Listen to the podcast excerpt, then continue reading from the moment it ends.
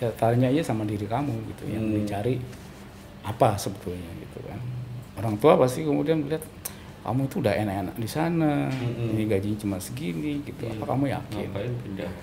ya saya bilang kalau memang ini adalah jalannya saya ya saya harus kalau boleh saya dapat restu Ya. saya akan jalannya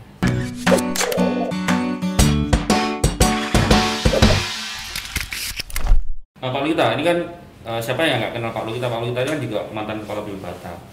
Setelah menjabat di BIM Batam, apa Pak sekarang? Yang kesibukannya apa yang dijalani Pak Lita selama ini? Ya, setelah saya eh, lepas dari BP Batam, tentunya saya memerlukan jeda waktu dulu. ya.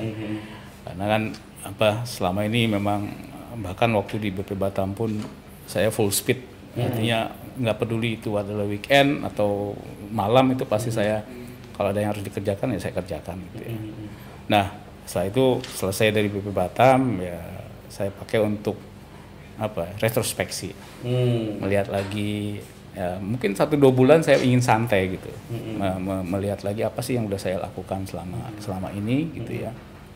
Nah memang saya sebetulnya setelah pulang dari Batam ditawarkan untuk kembali ke ke institusi lama saya awal saya itu Bapenas Oh di Bapenas. ya eh, untuk menjadi eh, peneliti di sana Oh oke. oke. jabatan fungsional istilahnya fungsional perencana Mm-mm.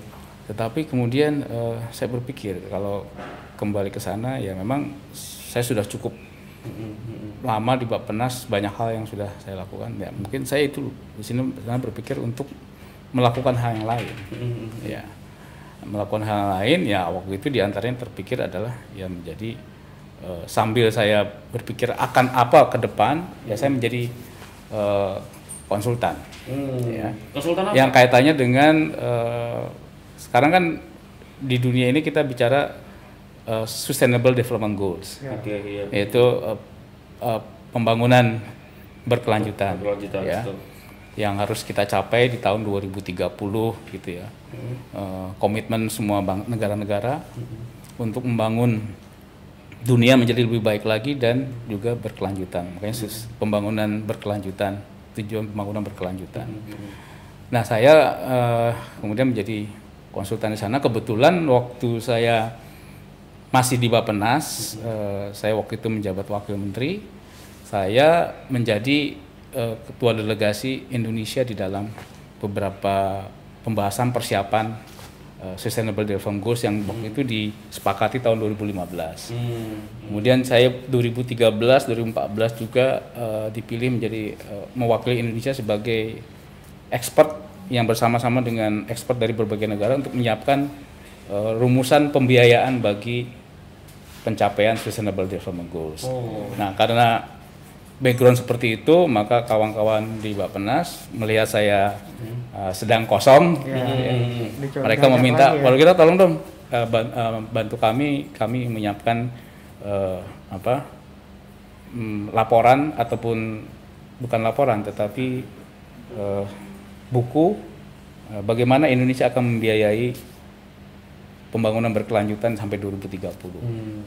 Nah, di situlah saya pada saat itu memang kegiatannya adalah melakukan estimasi, proyeksi, perhitungan berapa besar sih biaya yang harus memang disiapkan agar Indonesia bisa mencapai eh, target-target dari pembangunan eh, SDG yang jumlahnya ada 17 target itu. Nah itu saya kerjakan selama tiga bulan. Nah, sambil kemudian, nah di situ saya eh, berjumpa dengan eh, mantan senior saya yang juga banyak jumpa di DPR, eh, Mas Heri Ahmadi eh, dari PDIP, PDIP, PDIP, ya, dari Balitbang, ya.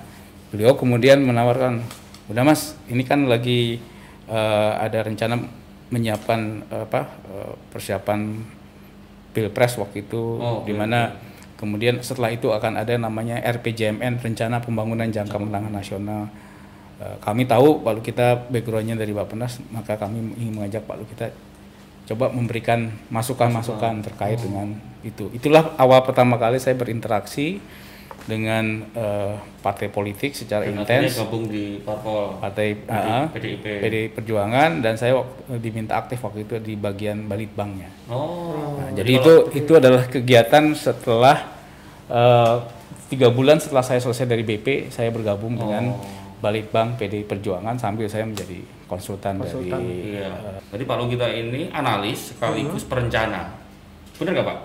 Analis. mudah-mudahan ya. Kalau Oh, kalau untuk merencanakan ya harus juga analisa dulu sebelum Iya, sebelum betul. bisa merencanakan. Enggak gitu. maksud saya nih kalau kalau orang-orang nggak nggak kenal Pak Lugita, Pak Lugita itu siapa sih? Oh, analis sekaligus perencana. Kira-kira pantas gak sih? Bisa Hal- nggak sih nanti iya. jadi calon wali kota gitu kan?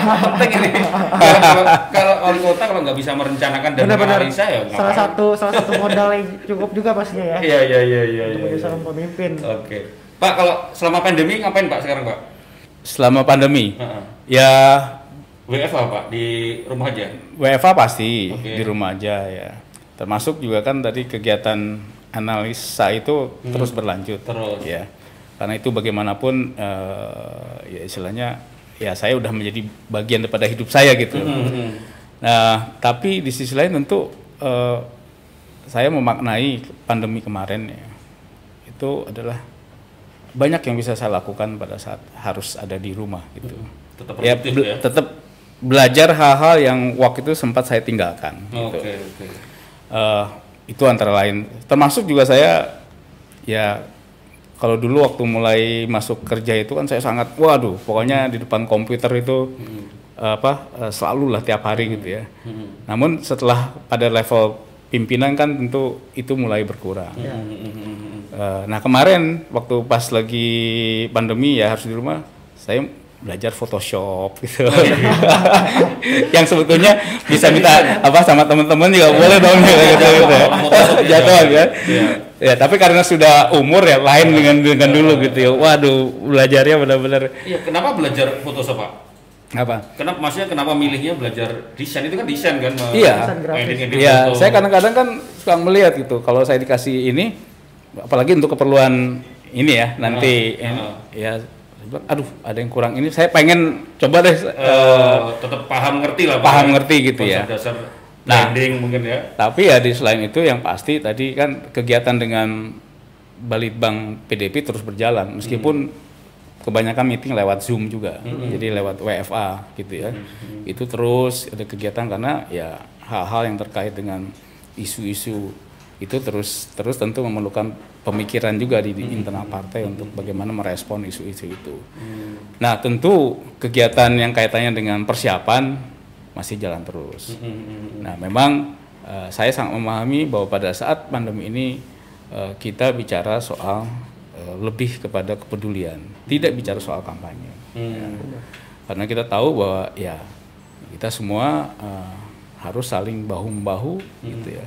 Bukan saatnya untuk istilahnya berkampanye terkait dengan upaya pencalonan nanti. Oh. Tetapi lebih bagaimana kemudian saya juga sampaikan sama kawan-kawan yang di sini teman-teman slow down dulu. Hmm. Lebih baik kita bagaim- bagaimana kita bergerak, apa yang kita lakukan bisa kita lakukan membangun kepedulian untuk masyarakat. Memang tentu kami ada keterbatasan, tetapi apa pun keterbatasan kita lakukan sesuatu. Gitu.